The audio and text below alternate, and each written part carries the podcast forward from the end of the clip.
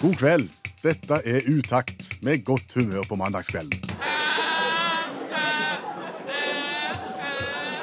To timer i godt selskap. Med variert musikk.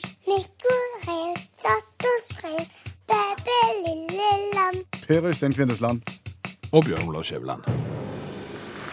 Jeg erklærer herved Radioprogrammet Utakt for åpnet.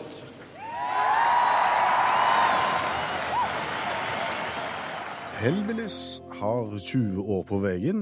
Utakt har snart ni år i radioen. Det er snart ni år siden aller første utaktsending, Skjævland. At tida flyr når du har det kjekt. Ja, for formålsparagrafen har vært den samme hele veien. Ja, Utakt sendes på en mandagskveld direkte og skal være godt selskap på en mandagskveld. Og vi skal prøve å skape godt humør. Og får vi til det, så er mye gjort. Og egentlig så passet det gyselig godt at vi begynte med Hellbillies og 20 år på veien. Ja, For nå skal det bli vei i vellinga. ja bokstavelig talt. fordi at det, vi vet jo det, Prøystein, at bygd og by Ja. står ofte mot en annen. Eh, Vestlandet står mot Østlandet, Nord-Norge står mot eh, altså Sørlandet videre. Det er på en måte hele veien en kamp innad i Norge for å få godene som vi liksom skal dele på. Mm. Hvor kommer veien inn i bildet? Ja, ja, vei er jo én ting av de. Altså, Vi er eksempel på Vestlandet. sant? Vi driver jo og klager og sender sure brev og meldinger til, til samferdselsministeren om at det er så svingete veier her på Vestlandet, og det er så dårlige veistandard, og det raser i hytt og gevær, og, og det er farlig osv. På Østlandet er det mye, mye bedre, og sånn vil vi òg ha det.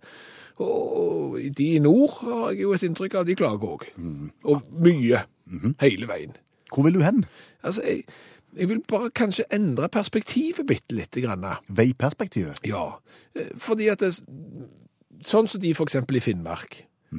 Nå har ikke jeg, altså jeg har ikke dette ordrett fra, fra folk i Finnmark, men, men jeg har jo et visst inntrykk av eksempel folk i Finnmark synes at de som bor i Oslo, de har jo motorveier, de er breie, de er beine, det er ikke telehiv i de, de blir brøyta når de skal, og liksom alt er så mye bedre. Jeg Ikke snakk dialekt. Jeg kan ikke dialekt, jeg men jeg måtte liksom prøve å sette nord mot sør her.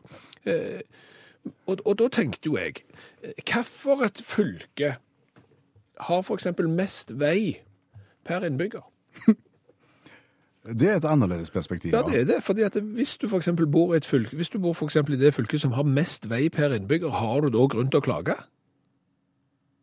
Ja, Ja, det er et godt spørsmål. Ja, så Kanskje er veiene bedre i Oslo. Kanskje er de beinere, de er bredere og, og har bedre belysning, f.eks. Men så er det sannsynligvis flere folk som må dele på de òg. Har du regnet på dette her? Altså, det er jo ikke eksakte tall. Ikke, du trenger ikke være rakettetterforsker for å, å, å, å, vite det, for, for, for tall, tallmaterialet mitt er litt gammelt. Eh, For eksempel, i Finnmark så bor det noe sånt som 76 000 mennesker. Ja. Eh, I 2010 så ble det vel eh, funnet ut at de hadde 4192 kilometer med vei. OK. Hvor mye blir det per mann? Eh, Det blir jo ganske formidable 55 meter vei per mann. 50 meter? Ja. OK. Tenk det, du kan nesten springe din egen 60 meter. Nå skal jeg springe 60 meter på en bare, men nesten bare min egen vei. Ja. Det er jo litt tøft. Ja, men nå må du få perspektivet. Hvis du går til Østlandet, da. Ja, Der er tallmaterialet mitt litt eldre, det er fra 2007, men, men det er jo et bra perspektiv for det. For det er noe sånt som 650 000 innbyggere i Oslo kommune. De har da 1320 km med vei. Det er jo veldig mye vei, men Det er jo ikke veldig mye vei. nei, nei, det er lite vei, Det er mener jeg. veldig mye mindre vei enn de har i Finnmark, eksempel. Og de er jo langt flere folk som skal dele på den, så de har jo, de har jo knapt to meter vei per mann. Men den er mye bredere, antageligvis. Jo, han er sannsynligvis har fortau og, Ja. og, og belysning og, og blir sikkert brøyta og alt det, men Dette framstår som idiotforskning, Skjæveland. hva da for?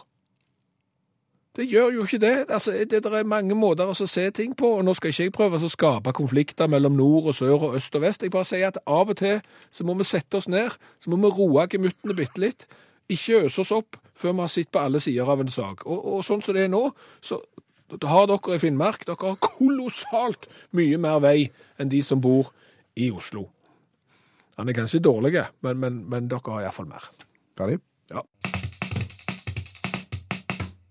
utakt i NRK P1 på mandagskvelden fortsetter med følgende spørsmål. Hvor langt er et Samsung-minutt?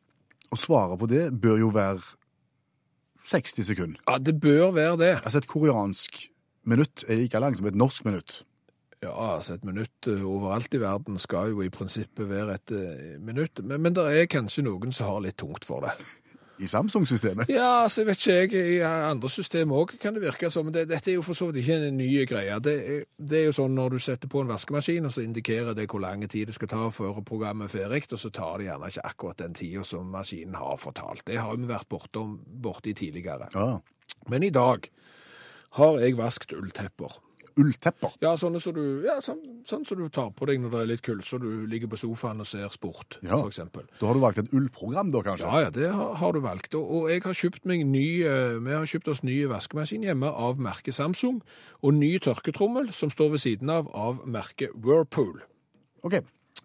Så, så da var jo jeg ferdig med å vaske noen klær, så flytter jeg jo de over i Whirlpoolen, den tørketrommelen, og så setter jeg jo på ullteppene. Og så går jeg og gjør noe annet. Og så på et gitt tidspunkt så stikker jeg nesen inn på vaskerommet, og så ser jeg, der forteller Samsung-maskinen min at den har ett minutt igjen av vaskeprogrammet før han er ferdig med å vaske ullteppene. Ja. Eh, Whirlpool tørketrommelen, den har 55 minutter igjen før den er ferdig med tørkeprogrammet. ok. Så jeg stiller meg opp og bare venter på at denne vaskemaskinen skal bli ferdig, for jeg skal henge opp disse ullteppene til tørk. Ja. Ett minutt står det i displayet. ja. Ett Minutt har gått nå, eller? Ett minutt har gått, og vel så det, og til slutt så gidder jeg jo ikke vente lenger. Nei. Eh, Mens, mens Whirlpool-maskinen ved siden av, den mister ett minutt for, for hvert minutt. Mhm. Så til slutt så gidder jeg ikke mer. Så går jeg og gjør noe annet, Ja. og, så- og så stikker jeg nesen inn etter en stund. Da er det 37 minutter igjen av tørketrommelprogrammet, og den der idiotiske vaskemaskinen, den har bestemt seg for at det er ett minutt igjen. Ja, minutt. Ja da, så, så etter nesten 20 minutter så er det fremdeles ett minutt igjen. Ja. Ja, du går og gjør noe annet, selvfølgelig. Du kommer tilbake igjen. Der er da 17 minutter igjen av tørketrommelprogrammet, og Samsung har funnet ut at nei, nå er det to minutter igjen. Litt mer, nå, ja. Det har gått opp. Nå har det gjerne stått så mye på ett minutt at til og med Samsung har funnet ut at dette går ikke, så det har gått opp til to. Ja, det begynte å bli litt spennende, dette her. Så etter fem minutter så stakk jeg nesen inn igjen. Da var det jo snaut ti minutter igjen av tørketrommelprogrammet. Da hadde Samsung bestemt seg for at det var syv minutter igjen. Og hvor skal dette ende? Nei, hva tror du? Selvfølgelig. Hvem tror du er ferdig først? Den som har 55 minutter igjen av programmet, eller den som har ett? Vant Whirlpool? Vant med klar margin, for når den var ferdig, så, så hadde Samsung bestemt seg at nei, nå skal jeg ikke ha syv minutter igjen, nå, nå er det bare to. Oh, ja. Så da var han tilbake på to, før han var tilbake på ett, og det minuttet der varte heller ikke ett minutt. Så cirka, jeg tuller ikke, cirka ett kvarter etter eh, tørketrommelen var ferdig med sitt program, som hadde tatt 55 minutter, så var minuttet til Samsung ferdig. Et Samsung-minutt er altså da én time og ti minutter? Ja. Etter, Røffelig. Røffelig, etter det vi har grunn til å tro. Fordelen, hvis de holder på den tanken der, Ja. det er jo at batterikapasiteten på mobiltelefonene deres må jo være formidabel. For hvis den for eksempel har, eh, har eh, noen timer standby, så har han jo døgn. Ja. ja. Ja. Helt sant. Ja. Og her er allmennlærer med to vekttall i musikk, Olav Hove. Velkommen igjen. Hjertelig takk. Du, Olav, du kommer jo gjerne til oss med, med impulser fra utlandet gjerne, og forteller oss om ting som skjer der ute. Og denne gangen så har du tatt for deg den store teknologimessa som foregår i Las Vegas. Mm, stemmer det. CES kalles den. Consumer Electronic Show. Pågått siden 60-tallet. 67 begynte de. Og Da presenterte de på første messa eh, noen små kassetter som kunne ta opp musikk og slik. Så jo har prega oppveksten til oss alle. I tillegg så presenterte de headset som teknologijournalistene. Det var ikke så mange av de på den tiden. Helt på å lese seg i hæla. At folk skulle gå rundt i gaten og se ut som astronauter. Tåpelige astronauter var det ingen som trodde noe på. Det sa de på slutten av 60-tallet. Ja. Hva viser de fram på årets messe? Det er det biler som kan kjøre sjøl og den slags? Ja, og roboter. Det er jo det avisene skriver om. Mm. Selvkjørende biler og roboter. Men, eh, men det finnes òg en helt annen gruppe på SES. I, I gruppa som er litt sånn Her har vi prøvd litt vel hardt, kanskje, gruppa. Eh, og der er det mange undergrupper. Blant annet Herregud-gruppa og Hæ? Eh, slike typer grupper finnes det under, da. Ok. Eh, det må jeg si. Men, men alltid gode intensjoner, alltid gode tanker bak, men så har en på en måte overtenkt ting, eller en er undertenkt. Eller en har glemt et par småting. Som for eksempel kuben. Eh, Eller Cube, som han heter. Eh, Tenk dere de skal på stranda her en sommerdag. På stranda. Ja. Du skal ha med deg eh, solstol, og du skal ha med deg kjølebag, og du skal ha, kanskje ha med litt musikk og en bok og litt chips. og Det er mye å bære på. Cube har tenkt på det. De har lagd en kjølebag med innebygd høyttaler. Og ikke nok med det. Kjølebagen er kjempegod, den òg. Hvis du har den i kald drikke, så holder den seg kald i, i timevis. Og har du kjøleelement oppi den, så kan du være der ei uke på stranda. Utrolig bra. Gode tilkoblingsmuligheter for mobiltelefon. Utrolig fint, ikke sant? Liten hake. Jeg satt og venta på den. Vekt 23,6 kilo. Og det er før leskedrikk og matpakke. Ja, jeg glemte å tenke ting. Ja. Samsung fikk mye kjeft i fjor for smartkjøleskapet sitt. Det var et vanlig kjøleskap med et bitte lite display frampå som der det sto hva som var inni kjøleskapet. Fikk en del kritikk fordi at folk kunne jo bare åpne døra, så ville de se det samme. Det har jeg tatt konsekvensen av, så nå har jeg lagd et kjøleskap med et stort display på framsida. Eh, 22 tommers display der du kan se hva som er inni kjøleskapet. Kan òg se film, eh, vise familiebilder, eh, slike ting. Eh, og ikke minst et kamera inni, så hver gang du lukker eh, døra på kjøleskapet, så vil det bli tatt et bilde eh, som blir sendt direkte til smarttelefonen din. Så kan du, når du går ut og handler, så kan du se hva som er inni kjøleskapet. Eh, men eh, 36 000 er kanskje litt dyrt for et kjøleskap. Eh, Men vi får se. Sånn er det. Så var det teknologiprisen Sleep Number 360, såkalt smartseng. Det er sensorer overalt som, eh, som avdekker det meste på kroppen din. Det er kroppsvarme. Fryser du, så skrur de opp varmen. Ligger du, Syns du senga er for hard, så gjør hun mjukere. Og syns kjerringa di, kona di, unnskyld, at, eh, at senga er for mjuk, og du syns hun er for hard, så justerer en alt ettersom. I tillegg, hvis du snorker, det er jo noen som snorker, så eh, registrerer senga snorkingen, og så vipper han deg fint til sides. Eh, eh, kjærlig, men bestemt. Slags katapultfunksjon der, slik at du slutter å snorke. Dette høres jo bra ut. Ja, eh, ja da, for all del. Nå er det slik at eh, vi vet jo da at av og til så foregår det ting i senger som ikke er soverelatert. Eh, Og da har jeg hatt et problem med å skru av alle disse funksjonene. For klart at da går ting i stå. Eh, På mange måter, ja. ja, på Så når det blir bedrevet forplantningstrening på madrassen, så, så gir da- han deg gjerne et dytt og, Ja, og får deg til å slutte å snorke. Driver du forplantningstrening, så er ikke det ideelt med katapultfunksjon, for å si det sånn. Så, så det, det, tar, det sliter en litt med, men får likevel teknologiprisen. Eh, og når du våkner om morgenen, så kan du lese av sove-IQ-en din. Eh, og, og den skal da bli høyere og høyere ettersom du lærer senga å kjenne. Og det er viktig å ha sov, høy sove-IQ. Jeg har aldri hørt om høy sove-IQ, men det er visst viktig. Dritdyr seng, så hvis du ikke vil ha den, så kan du kjøpe smartpute og mye samme funksjonen. Eh, åtte høyttalere, eh, snorkevibrasjon. Hvis du snorker, så begynner det å vibrere litt hektisk. Eh, og er kobla til Amazon Alexa. Det er Amazon sin versjon av Siri. Så når du våkner om morgenen, så kan du si eh, Alexa, hvordan jeg sovet i natt? Så får du tilbakemelding muntlig. Og jeg kan jo ikke tenke meg noe mer irriterende enn en litt hyggelig kjerring som forteller deg hvordan du har sovet sover om natta. Jo, det må være istedenfor å våkne av eh, smarttelefonen din, så du syns bråker mye når han ringer, så har du åtte høyttalere i puta. Nei, takk. Tusen takk, allmennlærer med to vekttall i musikk. Olav Hove, du kommer tilbake senere i programmet med flere innspill fra messa i Las Vegas. Oh yes. Du fikk julebrev fra Frankrike. Ja, det gjorde familien eh, min, eh, og det var skrevet på fransk. Eh, Og så hadde de brukt eh, oversettelsesverktøy på internett og gjort det om til norsk, så det skulle være forståelig for folk flest. Var det forståelig? Ja, det var det som var så imponerende, at eh, dette brevet var veldig godt forståelig. Dette har jo vært gjort tidligere, at folk har skrevet brev på engelsk, oversatt det til norsk, og det lignet ingen verdens ting. Det ble bare løye, det. Ja, ja. mens det franske brevet, det funket kjempebra. Hva forteller det oss? Etter det vi har grunn til å tro da, så er fransk og norsk kanskje de språkene som det er enklest og mest suksessfullt å oversette mellom på internett. Eh, Vi forsøkte å verifisere det forrige mandag, og kom litt halvskjevt ut. Ja, vi gjorde vel det. Eh, Men, men det kan jo være et unntak. Ja, ja. For vi har forsøkt igjen. Det vi har gjort, vi har funnet et norsk eventyr, oversatt det til fransk via internettverktøy, og så tilbake igjen til norsk, Ja, og da skal jo i prinsippet det eventyret være akkurat likt. sånn som det var i utgangspunktet. Ja. Og, eventyr, og eventyret vi har valgt, er Askeladden som kappåt med trollet. Det var en gang en bonde som hadde tre sønn. Han var skrantende og gammel og skrøpelig, og hennes sønn ikke ville fungere.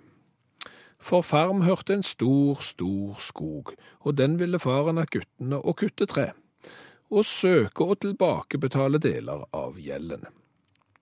Etter en lang han er på trav, og den eldste gikk ut for å kutte først. Da den ble borte i skogen og måtte kutte en raggete gran, kom en stor beefy troll. Hvis du kutter i min skog, skal jeg drepe deg. Troll sa. Da gutten hørte det, kastet han øksen hjemme igjen som han kunne. Han kom rent andpusten og fortalte ham hva som hadde skjedd, men faren sa han var en harehjerte. Trolls hadde aldri redd for å klippe da han var ung, tenkte han. Dagen etter den andre sønnen var borte, og han gikk som de andre. Da han ble godt kutte noen granhakk, Troll kom til ham og sa. Dersom du hugger i min skog, skal jeg drepe deg. Boy knapt våget å se på ham, kastet han øksen og flyktet som bror og like raskt. Da han kom hjem, hans far var sint og sa at troll aldri hadde skremt ham da han var ung. Den tredje dagen ville Askeladden unna, Ja, du. sa de to eldste. Du skal håndtere det godt, dere som aldri har vært utom døra. Det sa mer om det, Askeladden, men ba bare om å bli en stor lunsj med ham. Moren hadde ingen sul, så hun hang gryten til åbrøst litt til ham. Han kom inn i sekken og dro. Da han hadde skåret en liten stund, kom trollet til ham og sa. Hvis du kutter i min skog, skal jeg drepe deg. Men gutten tok ikke lang tid. Han hoppet inn i skogen etter ost, og deretter klemte way-hoppet. Level, ikke spør. Ropte han til trollet. Skal jeg klemme deg like og jeg klemmer vann av denne hvite steinen? Nei, kjære spar meg. Sa trollet. Jeg skal hjelpe deg, Hugge. Ja, fortsatt at gutten sparte ham, og trollet var dyktig skjæring, slik at de fikk kuttet og mange tufler i lag. Mot kvelden trollet sa. Nå kan du komme hjem. Er han nærmere meg enn deg? Ja, gutten var med, og da de kom bak må det brann i hjemmet. Mens gutten skulle gå til vann og grøtte potten. Men de to jernbøtter der, så store og tunge at han ikke engang kan bevege seg. Da gutten sa. Det er ikke verdt å ta disse pods. Jeg, jeg er fint for alle. Nei, kjære, Sa trollet. jeg kan ikke miste mitt godt lage ild. Jeg får vannet. Da han kom tilbake med vannet, skapte de en stor pott av grøt. Det er det samme, sa gutten, at jeg har et måltid. Å ja, sa trollet, hvorfor han alltid trodde han skulle stå oppi. Nå satte de seg ned for å spise, men gutten stjal en ryggsekk og bundet for ham. Og han plukket opp mer enn skreppet selv spist. Når køven var full, tok han kniven sin og dratt en flenge i det. Trollet stirret, men sa ingenting. Da de hadde spist en stund, trollet av skjeen, Nei, jeg kan ikke spise. sa han. Du spiser. Svarte gutten. Jeg er knapt halvfull ennå. Hvis du liker jeg gjorde, og skjær hull på magen, så spiser du så mye du vil. Men er det ikke veldig dårlig? Spurte trollet. Å, ikke noe å tale om. svarte gutten. Trollet gjorde som gutten sa, og så er du kanskje vet, risikerte han for livet. Men gutten tok alt det sølv og gull i fjellet og gikk hjem med. Med dette kunne han betale en del av gjelden. Og snipp og snapp og snute, så var fransk-norsk oversatt eventyr ute. Ja. Kommentar? Underholdende. Og vi setter veldig pris på at du hører utakt i NRK P1, og vi vil gjerne gi noe tilbake. Ja, og vi setter pris på folk som sender SMS-er og som er inne på Facebook-sida vår og, og melder om ting som bør være med i programmet og kommentere det vi har snakket om. Men som du sier, det kan ikke bare gå den veien. Nei. Vi- Vi òg må gi noe tilbake. Og det vi har lyst til å gi nå, det er mestringsfølelse. Ja, for vi i studio, vi har iallfall fra tid til annen følt oss som komplett idioter. Vi har vært ute i selskapslivet, det blir diskutert ting vi ikke har eh, greie på, og så står vi der, og så føler vi oss ikke så inklekle Smarte i det hele tatt. ja, som vi burde. Og gjerne da i forbindelse med klassisk teater eller klassisk litteratur. Ja. Bøker vi burde ha lest, men som vi ikke har lest fordi de er kjempegamle, de er kjempetjukke, og det er altfor mye tekst i de, og for lite bilde. Derfor så tar vi grep. Eh, Vi får hjelp av litteraturviter og forfatter Janne Stigen Drangsholt. Vi tar for oss en ny klassiker hver mandag, så går vi gjennom den på tre-fire minutter. Og etter at du har hørt det, så skal du være i stand til å føre en fin samtale om dette verket, og framstå mye mer smarte enn du var i utgangspunktet.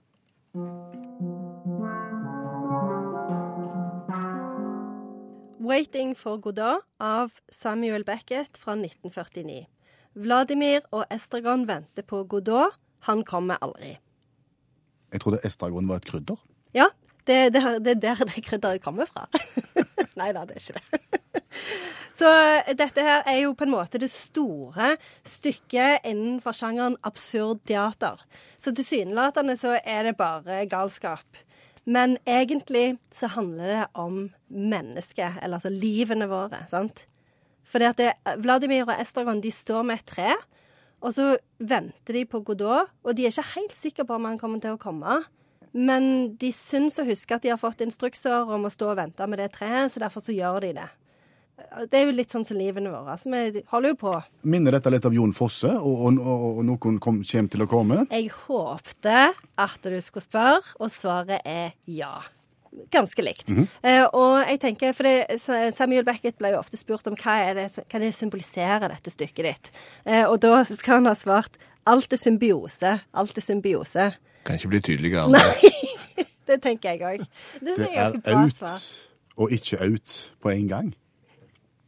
Der ser vi jo hvor Jon Fosse har fått inspirasjonen sin fra. Jeg føler jo at dette her stykket her er egentlig skrevet på en tid før mobiltelefonen. For da var det jo sånn, da avtalte du en møteplass, sant? og så sto du der til de kom. Ja. Eh, nå ringer du jo bare. ja det er og, og, og jeg har sett dette stykket på teater. Og det er kjempekjedelig.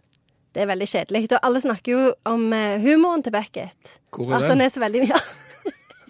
Det er en sånn litt annen type humor i så fall. Det er ikke sånn ha-ha-humor, i hvert fall. Det er mer sånn stille humring, tenker jeg. Kommer Godot til slutt? Nei, han gjør jo ikke Aldri. det. De får beskjed om at kanskje han kommer i morgen, og det slår de seg til ro med.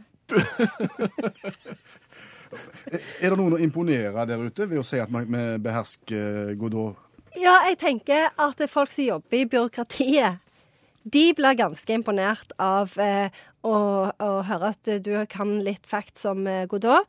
Og, og de kan jo òg faktisk bli for litt Enten så kan det drive de til å ta oppgjør og slutte i jobben sin, eller til å akseptere sin vonde skjebne. Om at ting tar tid. Ja. Jeg er ikke helt sikker på om de som jeg snakket med i Statens lånekasse etter å ha sittet i telefonkø en hele dag, om de hadde syntes det var kjempekjekt hvis jeg refererte til mens vi venter på Godot. Men du hadde jo fått, du hadde jo, det hadde jo hatt et veldig bra poeng, og det hadde jo vært tilfredsstillende for deg. Ja, det Dette er jo akkurat som å vente på Godot. Ja. For deg så hadde det vært mer, tror jeg, sånn Godot-mann-økseskaft. Tenker jeg. Kanskje de har hørt det før. Men er det noen sitater, Stigen Drangsholt, vi Ja, kan ta med oss? ja jeg, har, jeg har et sitat. Og det kan du bruke òg i samme samtale med Lånekassen. Ingenting skjer. Ingen kommer, ingen går. Det er fælt. Jeg binder renta. Tusen takk, Janne Stigen Drangsholt, forfatter, litteraturviter, medlem av FAU og hjelpetrener i friidrett. Rett før sending, altså for en, eh, en god times tid siden, så la vi ut et bilde på vår Facebook-side.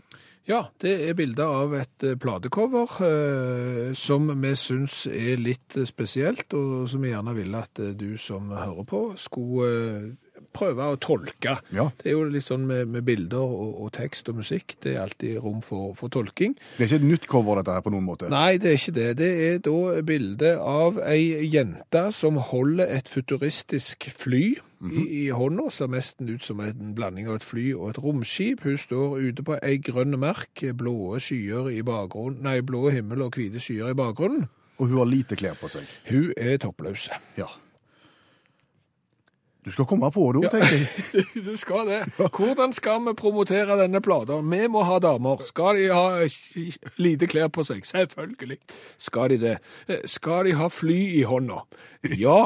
Ja. Det må de ha. Skal det være et Boeing 737? Nei. Nei. Skal være et fly som ingen har sett før. Skal det ut i en åker? Definitivt. Ja. ja.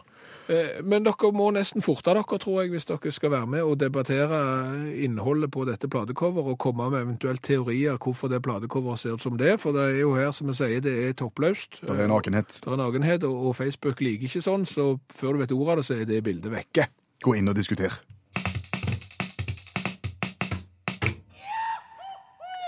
Det ble kontrast Hva er det?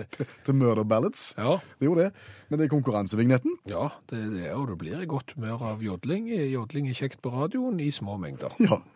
Og i Utakt sin konkurranse så går alle ut som vinnere. Det bare handler om å, å, å bli plukket ut til å få være med, for det er mange som har lyst til å være med. Ja, Kåre Fredrik Moen skal være med i dag. Han skal få lov til å rafte i sjoa med ei svart utakt-T-skjorte med V-hals. Høres det greit ut, Kåre Fredrik? Ja, ja, jo da, det høres greit ut. Det med T-skjorta iallfall. Ja. Yes. Jeg har ikke vært med og rafta ennå. Men du bor i sjoa og ikke rafta? Nei, eh, jeg har en unge som har rafta. Men jeg har vært på elva med riverboard og slikt, da. Så jeg er ikke helt borte. Nei.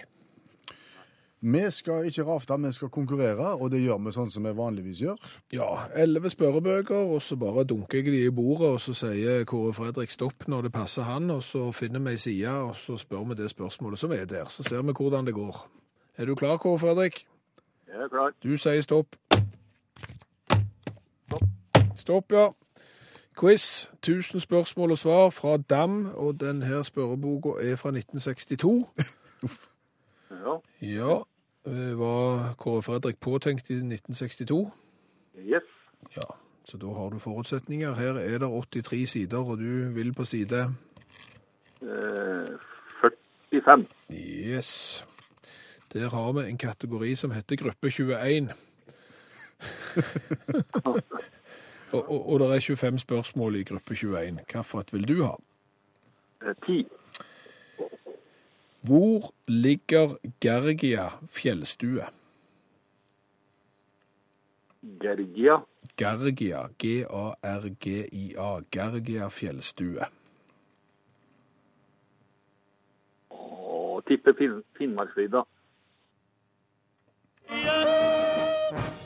Det ble gladjodling. Ja, ja, altså det, det, vi, vi må være såpass eh, greie. Altså her står det på veien Alta til Kautokeino i Alta Herred i Finnmark. Ja, jeg har vært der på eh, repetisjonsøvelse, som det heter før i tida. Å ja. Det hørtes kaldt ut. Ja, det var kaldt. Ja. Men det er godt. Det Det er jo en kjempestart på et vanskelig spørsmål. Ro det i land. Kjempebra. Du bare sier stopp igjen, så fortsetter vi. Stopp. Stopp. Feriequiz. Der er det 208 sider. Vi skal til side nummer 102. 102. Det er omkring der. Og da er vi inne på den kjekke kategorien som heter så mye som Musikk 4. Ti spørsmål. Du vil ha nummer Eh, Sju. Hvilket band sto bak verdensturneen Use Your Illusion Tour fra 24. mai 1991 til 17. juni 1993? Turneen bestod av 192 konserter i 27 land, og navnet på turneen er òg navnet på et album fra dette bandet. Use Your Illusion Tour. Kan du ta opp igjen? Ja, deler av spørsmålet kan jeg iallfall ta. Eh, Hvilket band sto bak verdensturneen Use Your Illusion Tour fra 24. mai 1991 til 17. juli 1993? Og, og eh, tittelen på plata og albumet er òg den samme tittelen som på turneen. Nei, der er jeg temmelig blank. Ikke Da- si Asia. Det er et tøft band, men vi kan hjelpe bitte litt. Vi kan jo si det at vokalisten er vel riv ruskende gal. Eh, gitaristen hadde flosshatt og langt krøllet hår. Og de ble ikke kamerater etterpå. Blomster er vel også en Ja. del av, av navnet til dette bandet. Ja. Pistoler og blomster. Nei, jeg greier ikke å komme på det. Guns and Roses. Guns N' Roses. Guns N' Roses. Med Axl Rose i spissen, som vel ikke er helt i vater alltid. Det er ikke favorittbandet, så jeg har ikke hørt så mye på dem. Nei, hva er favorittbandet? Var det det du foreslo? Asia? Nei? Nei, men jeg har hørt litt på det. Ja. Så da liker du litt sånn progressiv rock, du? Ja, det òg. Tøft. Da tar vi siste spørsmålet. Det er bare å si stopp, eh, Kåre Fredrik.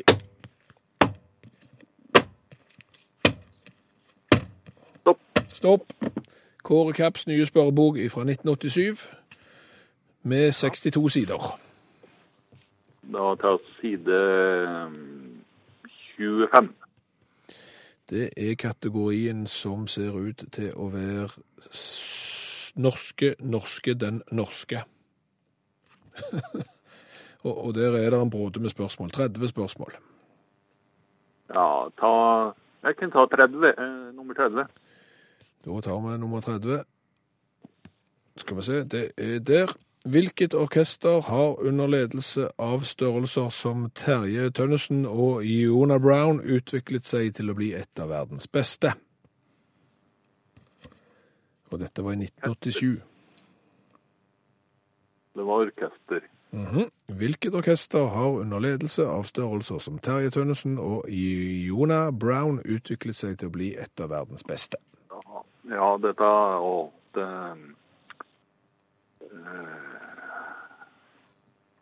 Ja, jeg har det på tunga, men jeg kjenner ikke på det. Nei, skal vi prøve å, å hjelpe? Det, det blir ofte spilt på i, i, i små, små rom, såkalte kammer. Og så er det norsk. Norsk kammerorkester, da, eller et eller annet. Der, der satt han til slutt, Kåre Fredrik. Ja, Norsk Kammerorkester. Ja, det er kjente navn, men du greier ikke å plassere dem. Nei. Men du skal ha hjertelig takk for innsatsen.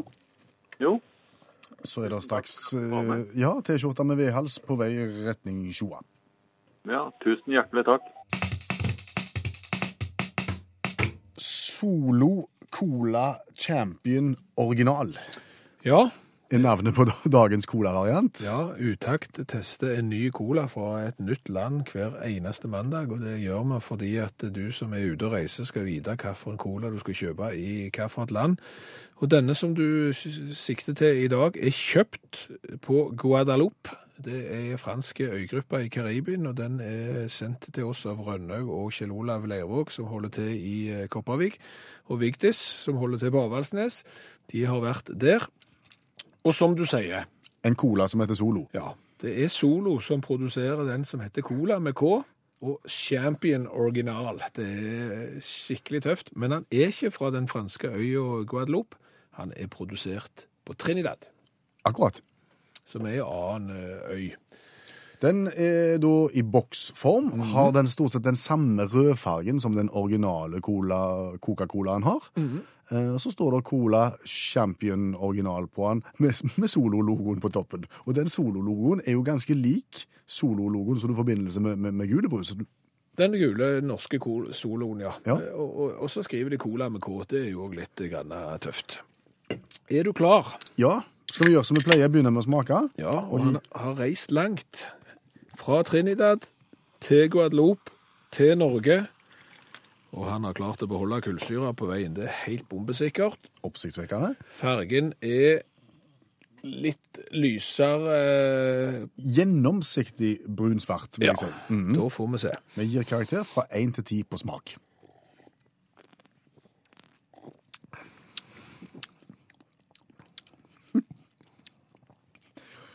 Den smaker blandings. Det, den smakte blanding av eh, champagnebrus og pommac. Yes. Det er en sjelden kombinasjon. Men det sier ikke noe. Det betyr ikke at det var vondt. Og på ingen måte. Det var sp Det var kjempegodt. ja, men det var jo ikke cola. Nei.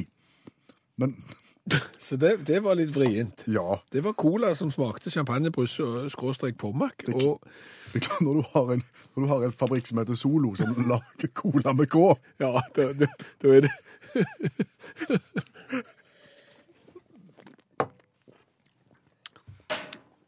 Nei, men vi må jo gi for smaken. Smaken er god, den. Jo, men vi må jo gi for colasmaken, og den er ikke god. Jeg gir for oppmøte. Jeg syns den er så god. OK, kom an. Seks. Seks? Ja. Ja, det, du kan ikke gi seks på en cola som ikke smaker cola. Jeg gir tre. OK. Ni totalt. Ja. Boksen. Boksen er tøff siden det står Solo Cola på den. Og sånn er det bare. Og han kommer fra Trinidad, og de er, der er det noen som er snare til å springe. De er nesten like snare til å springe som de fra Jamaica. Og det er tøft, så jeg gir fem. Midt på treet. Ja, det er veldig midt på treet. Vi gir fem her òg. Da ender vi på 19, da. 19, og det er jo et veldig vanskelig segment. Det er sånn litt under midten på treet. Men, men hvis du har lyst på champagnebrus som smaker Pommac, og ikke så mye cola, så reiser du til Trinidad og kjøper Sola Solo Cola Champion Original. Med K. Bob Dylan om hvordan alle dyrene fikk sine navn. Og det passet egentlig ganske godt nå, Skjæveland, for nå skal vi snakke om en eh, spesiell kar. Ja, vi skal det, fordi at eh, vi hører jo på radio. Ja, Og, så hørte vi på, på Dagsnytt eh, en dag, og, og, og da ble vi vel gjort oppmerksom på noe vi ikke har tenkt på før. dette ble sagt på Dagsnytt. Men vi ser også torsk fra Norge med skreien da eh, som en eh, foregangsfisk. Torsken er en foregangsfisk, Ja, ifølge Dagsnytt. Og jeg har aldri egentlig tenkt på hvilken fisk som er en foregangsfisk. Hvilken fisk som på en måte er en rollemodell for alle andre fisker, og, og som gjerne små guppier og, og andre sei og, og makrell når de vokser opp f.eks. sier vet du hva, se på torsken. Det er sånn vi skal oppføre oss. Det er en foregangsfisk. Jeg tenker at torsken er jo den som er mest moden, for han er vel den eneste som har fått skjegg. Jo, for så vidt så, så vil jo den gjerne framstå som eh, vis, eh, og, og, og, og, det er kanskje derfor han er en foregangsfisk, fordi at han virker så lur. Det er jo ikke verdens raskeste fisk, sant? Det er jo en litt sånn, eh, en litt treging, en litt dorsking. Ja, men en kontrollert, Ja, så, en en gjennomtenkt. ja, så det er gjerne ikke sånn som makrellen som bare turer av gårde og gjør sånn som bare kameraten ved sida av gjør, sant? Liksom, det er sånn, Det er sånn ungdommelig overmot der. jo, men det er jo liksom alle i samme retning. Det er på en måte i stim. sant? Ikke evnen til å tenke sjøl, ikke ta egne valg, eh, tenke ut forbi boksen. Her gjør vi bare sånn som de alle, de andre. Så sånn sett så er, det, så er det kanskje lett å trekke fram torsken som, som foregangsfisk. Går det an å tenke tilsvarende i andre dyregrupper? At det er foregangsalternativer der òg? Foregangsfugl, Ja. for eksempel. eh, For det er klart at skjæra eh, er jo utelukka umiddelbart. ja. Det kan ikke være en foregangs... Nei, den har jo rulleblad. det er en, en tjuvradd. Det er en tjuv og en kjeltring, og er ikke et mål for noen å, å være som eh, skjæra. Nei, det er jo litt som gjøken, tenker jeg òg. Stjele og legge i andres reir osv. Ja, og så er den jo koko. Ja, helt. Sant? Den er ikke spesielt vasse. Nei. Eh, Sånn at den, den går jo heller ikke. Nei, du må ha et rulleblad, og du må på en måte ha ryggrad, tenker jeg, hvis du skal være en foregangs, foregangsfugl. Meis. Ja, hvorfor ikke? Nei, den kan du òg bære med. Ja. Det, og det er jo en fordel. Det er en fordel. Ja, ja. Jeg tenker at, altså, ja, men jeg var jo inne på dette her, en må jo ha ryggrad. Ja, Det, det må du ha. Og, og dermed så kan jo f.eks. ikke virvelløse dyr eh, være foregangsdyr i det hele tatt. Nei. For de har jo ikke ryggrad. ikke det spor. Og hvis du skal se på insekter, Ja. vil det være foregangsinsekter det går an å trekke fram? Det er veldig vanskelig å, å finne insekter som oppfører seg eksemplarisk. Noen er jo bare til pest og plage, eh, bokstavelig talt, sprer sykdom og, og bare ødelegger, mens andre bare gyver jo løs uten mål og mening.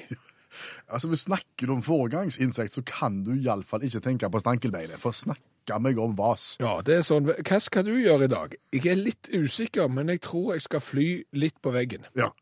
Og dansa litt opp mot ei lampe. Ja, og etterpå det da, nei, vet du hva, da går jeg tilbake til utgangspunktet, og så står jeg og stanger litt mot veggen, helt til de ungene som, som ser meg blir så lei av dette her, at de begynner å rive av meg beina. Ja. Da er nok dagen slutt, tenker jeg. Men, men dette er jo noe å tenke på. Ja. Eh, Vi visste ikke at torsk var foregangsfisk, eh, men Jeg det tror er... mauren skal være en slags foregangskrypdyr. Ja, For det står i skriften, Skjæveland. Gå til mauren og bli vis.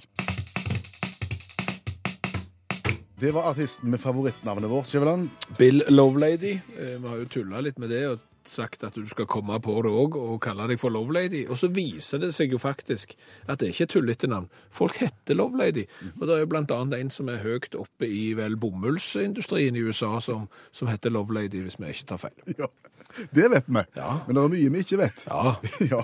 Og det vi ikke vet, får vi gjerne hjelp til eh, av allmennlærer med to vekttall i musikk, Olav Hove, som er med oss også i kveld. Og det vi snakker med deg om i kveld, er den store teknologimessa som akkurat nå er er ferdig i Las Vegas, og som aviser og mange har, har snakket mye om, men som du har gått litt dypere inn i. Jeg har det. Eh, og nå skal vi snakke litt om eh, dette her med når premisset blir litt feil. For ofte så sier jo folk når de skal prøve å selge noe til deg, så sier de 'tenk deg'. Og på CES-messa i, i Las Vegas så er det en god del sånne 'tenk deg'. Og så er det litt vanskelig kanskje å følge tankerekka. Men tenk deg at de sitter på bussen og hører på musikk. Er ikke irriterende da når folk stadig vekk avbryter deg og spør 'hva hører du på'? Har de opplevd det? Eh, Nei. Tar ikke bussen. Nei, men Vinci, produsenter og hodetelefoner, de har, de har opplevd det her tydeligvis, og de syns det er irriterende, og de har bestemt seg for å gjøre noe med det. Derfor har de festa en såkalt touchscreen til selve klokka på, eh, på headsetet. Og Der er det opplysninger om hva du hører på. Så han som sitter ved siden av deg på bussen, eh, vel å merke hvis du sitter på venstre side, for ellers er, er skjermen inn mot vinduet, eh, han slipper å spørre deg, for han kan bare lese òg hva du hører på. Eh, Så hadde, hadde vi sittet på bussen med den for fire minutter siden, så hadde det stått 'Love Lady' på øra. Ja, det hadde det gjort. Det hadde det faktisk gjort. Eh, og, det, og, og Og det kan fort bli Ja. tatt ille opp. Ja, når de sier det på den måten, så ser jeg jo at det kan være. Men i tillegg så, eh, så er han utstyrt med Bluetooth, ja, trådløs ladning, bevegelsessensor, stemmekontroll og intern harddisk ved headsetet. Vinci sier at det har fungert bra til nå, men en del av brukerne har klagt på at han er en anelse tung. Og det skjønner jeg jo godt med stemmekontroll og intern harddisk og ja, i det hele tatt. Tenk dere at de sitter på bussen. Så får de en viktig telefon. Og så har du lyst til å ta den telefonen, men du har ikke lyst til at de som sitter på bussen skal høre den. Har de opplevd det? Ja, den er, den er mer reell. Ja. Tar fremdeles ikke buss. Nei, men, eh, men det er det de har tenkt på, disse her som har, har laga dingsen Hushme. Hushme? Hushme. Hushme det er en slags eh, Hva skal vi si da? Jo, det er ei brei eh, Tenk deg i brei reim som du fester rundt eh, hodet ditt og framfor munnen. Framfor munnen er det en bul som en slags rekesalatbeger, men fortsatt i svart. Men det ser ut som du knebler nokså heftig. Dette er Husme, da. Kobla til mobiltelefonen din, og her inni den kan du ifølge Husme-menn-folkene snakke og skøye og le og skråle uten å tiltrekke deg oppmerksomhet. Litt usikker på. Tiltrekker deg oppmerksomhet. Ja, og veldig Hannibal Lecter-følelse fikk jeg når jeg så på han. Så slik er det. Eh, Er det noen som har interesse for det? nei, det ligger dårlig det, det, men, men det, det kommer i salg i løpet av, av, eh, av 2017. Koster 1400 kroner. Og så har du den her, hvis du er f.eks. mann med kone og tre døtre, der flere av de er tenåringer, eh, som jeg kan kjenne meg godt igjen, så har da, Hydrao eh, de har laga sin loop and drop. For det jeg har tenkt sånn, det, dette er for menn uh, av min type. For du har sikkert lyst til å vite hvor mye vann er igjen på varmtvannstanken. Og da har de laga et dusjhode, Hydrao loop and drop dusjhode. og Det, det gir signaler om hvor mye eh, vann de er igjen i eh, varmtvannstanken. Hvordan gir han signaler? Det er lys. Ulike lys. Og kommer du inn på badet da, og det er rødt lys, så skal du vite at da er ikke det mye vann igjen.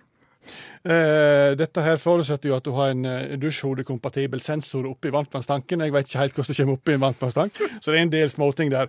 Eh, 1600 kroner for del- deluxe-modellen, 900 for den litt billigere versjonen. Jeg aner ikke hva forskjell det er på de to, men det er klart for menn, gifte menn med tre døtre der flere er i tenårene, så er det vel ikke akkurat det som er problemet med vannvann, det er tilgangen til bad som kanskje er det store problemet. Så hadde de fått det til, så skulle jeg ha kjøpt det.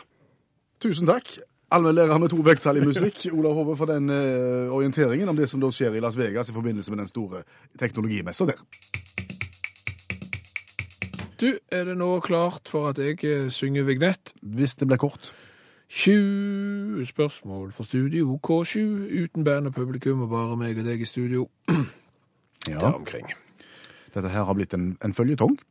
Ja, det har det jo vært siden 1947. Eh, Første gang 20 spørsmål gikk på lufta i radioen, og sånn har det gått eh, til det nå ikke lenger går, men Utakt tar jo grep og gjør sin versjon av 20 spørsmål. Ja, en forenkla versjon, kan du si. Det kan du si, istedenfor at folk sender inn postkort med ord som et panel skal prøve å gjette seg fram til, så har jeg funnet fram en rubrikkannonse på internett, og så er det du som skal prøve å finne ut hva som er til salgs. Ja, Men du må jo si til alle som hører på radio nå hva jeg skal prøve å finne ut av, ellers så blir ikke dette spennende for noen andre enn meg og deg. Nei, så, så nå tar du fing han tar Per Øystein fingrene i ørene, og jeg sier det her.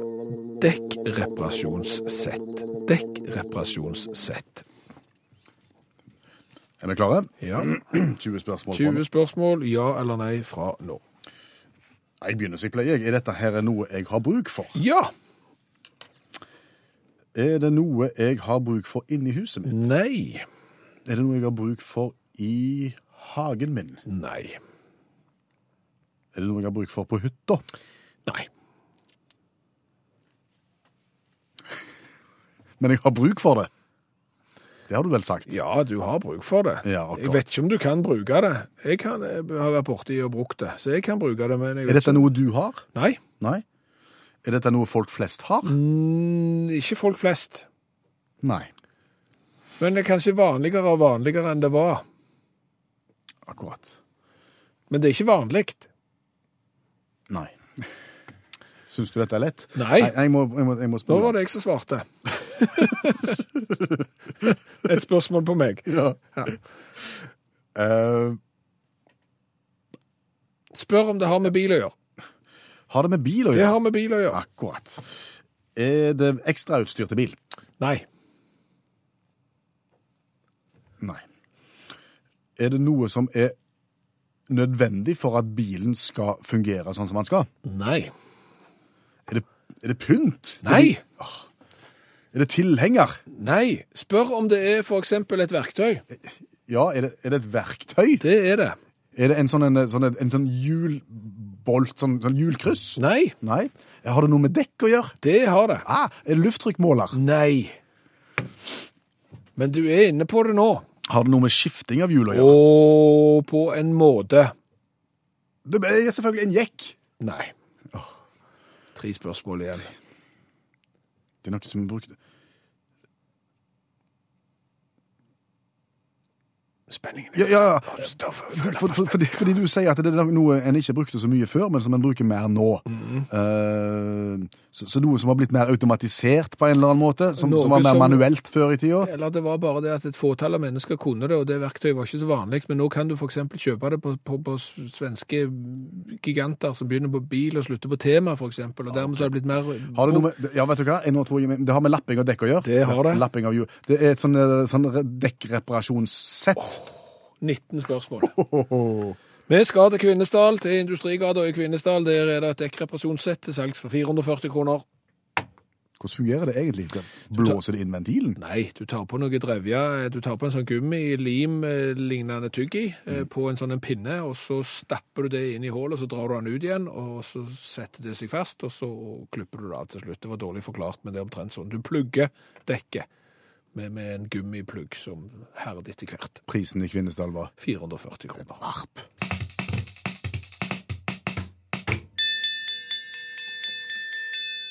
Utakt leser høyt fra boka 'Norges morsomste vitser'. De beste vitsene fra NM i humor.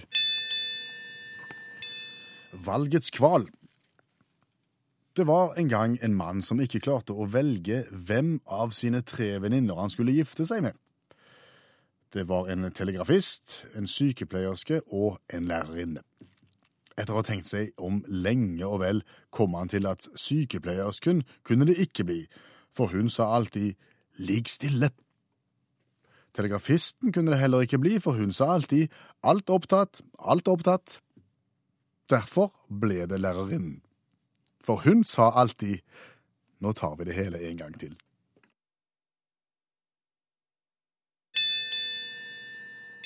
Du har hørt Utakt lese høyt fra boka 'Norges morsomste vitser'. De beste vitsene fra NM i humor.